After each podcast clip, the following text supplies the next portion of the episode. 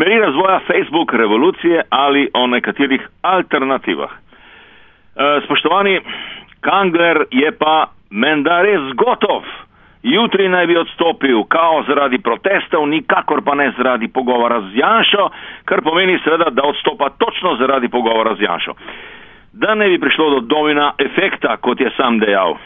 Bomo torej jutri na protestih upili zmaga, zmaga, zmaga. No, to bi bila res prava butenskala, če dovolite. Kaj ti Janši so včeraj ušle ali pa tudi niso ušle tele besede, nekako citiram približno po spominu. Gesla kot smo evropski lakaji in proti vladi združujejo skrajneže. Konec citata. Pazite, Janša je torej vse, ki protestirajo proti vladi, razglasil za skrajneže, torej tudi večino mirnih protestnikov. Samo da protestirajo proti vladi. Ta njegova izjava bi morala tudi po emo logiki dosedanjih protestov zadostovati za to, da postane prva in glavna zahteva nadaljnih mirnih protestov, čisto izredno in to v Mariboru, Ljubljani in povsod, odstop predsednika vlade. Jankovič, Džankovič in Bankovič so lahko naslednji in tako naprej, ampak prvi bi moral biti najmočnejši človek in za demokracijo najbolj nevaren politik v državi, ki torej jasno nakazuje, da bo vsak tudi miren protest proti njegovi vladi odslej obravnaval kot skrajen ali pa vedno bolj tako. Pa se bo tudi zgodilo, ali se bo Facebook revolucija končno fokusirala in organizirala in samo sebe definirala in interpretirala tudi za širšo javnost, ne pa da, kot kaže, prepušča to ja, Janši in pa seveda televizijskim blondinkam. Priložnost se zdi izjemna če dovolite, celo za neko resnično tretjo pot naše in tudi evropske preobrazbe, ki ne bo torej ne grška, ne nemška. Kajti Slovenija se je nepričakovano znašla v vlogi evropske avantgarde. Poglejmo, objektivne ekonomske razmere so kljub seveda razlikam precej bolj podobne za Spanje Avstriji kot pa razburkani Grčiji ali Španiji, obe sta v primežu domače in evropske reakcije in v obupnem refleksnem uporu. Vendar pa so imeli subjektivno, kot jaz lahko vsaj dojemam, dosedani Facebook protesti prav s takim uporom več skupnega, kot pa recimo z nekimi drugimi eh, zgodbami. Glede na Grčijo sicer pač zaostajamo, ne? saj pri nas ni nobene sirize vsaj za enkrat. Skratka, tukaj nekaj se mi zdi manjka oziroma ne štima. Še posebej na reakciji protesti, ki vendarle vključujejo pač manjšino in pa e, najširše javnosti, ki naj bi bila, če verjamemo formuli 99 odstotkov proti enemu odstotku, ljudstvo proti eliti in podobno, cela na strani protestov. A tega pravzaprav niti ne vemo. Kaj torej ne štima? Največ prav dvosmerno medijsko zrcalo, skozi katerega si ljudstvo ogleduje oblast in manjši del samega sebe na ulici. In seveda isto velja po drugi strani za samo opazovanje oblasti in percepcijo ljudstva ali njegovega protestniškega dela, ki ga vidi očitno kot manjšino skrajnežev. Janša vsekakor.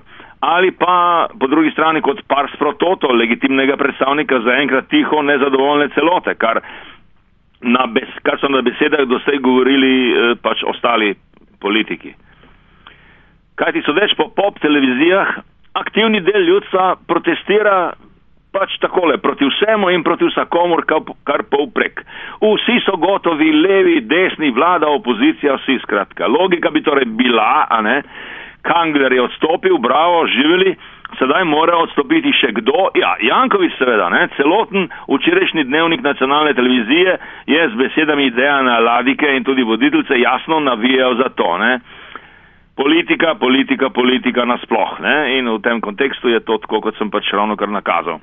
In tu se začne zgodba dosedanjih protestov še dodatno komplicirati, kot res to vidim.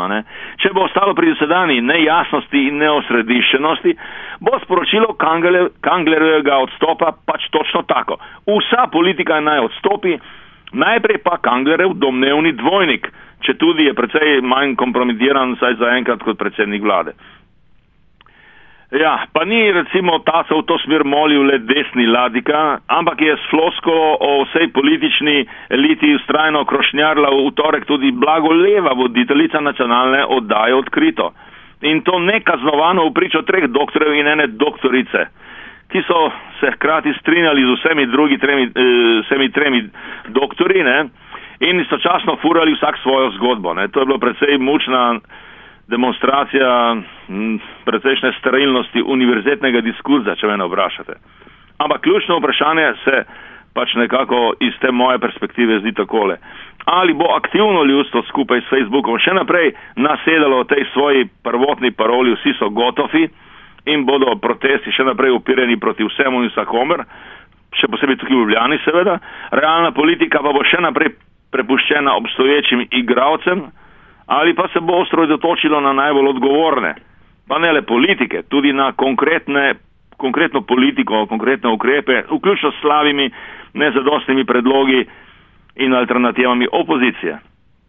Tako bi izvajale pritisk ne le na vlado, ampak tudi recimo na socialne demokrate, ki se ponujajo seveda že na veliko kot alternativa, zaradi kompromitiranega šefa pač paralizirane največje opozicijske stranke pozitivne Slovenije ampak je socialna demokracija tudi sama pravzaprav talec Janševega varvanca Pahorja po njegovi zmagi.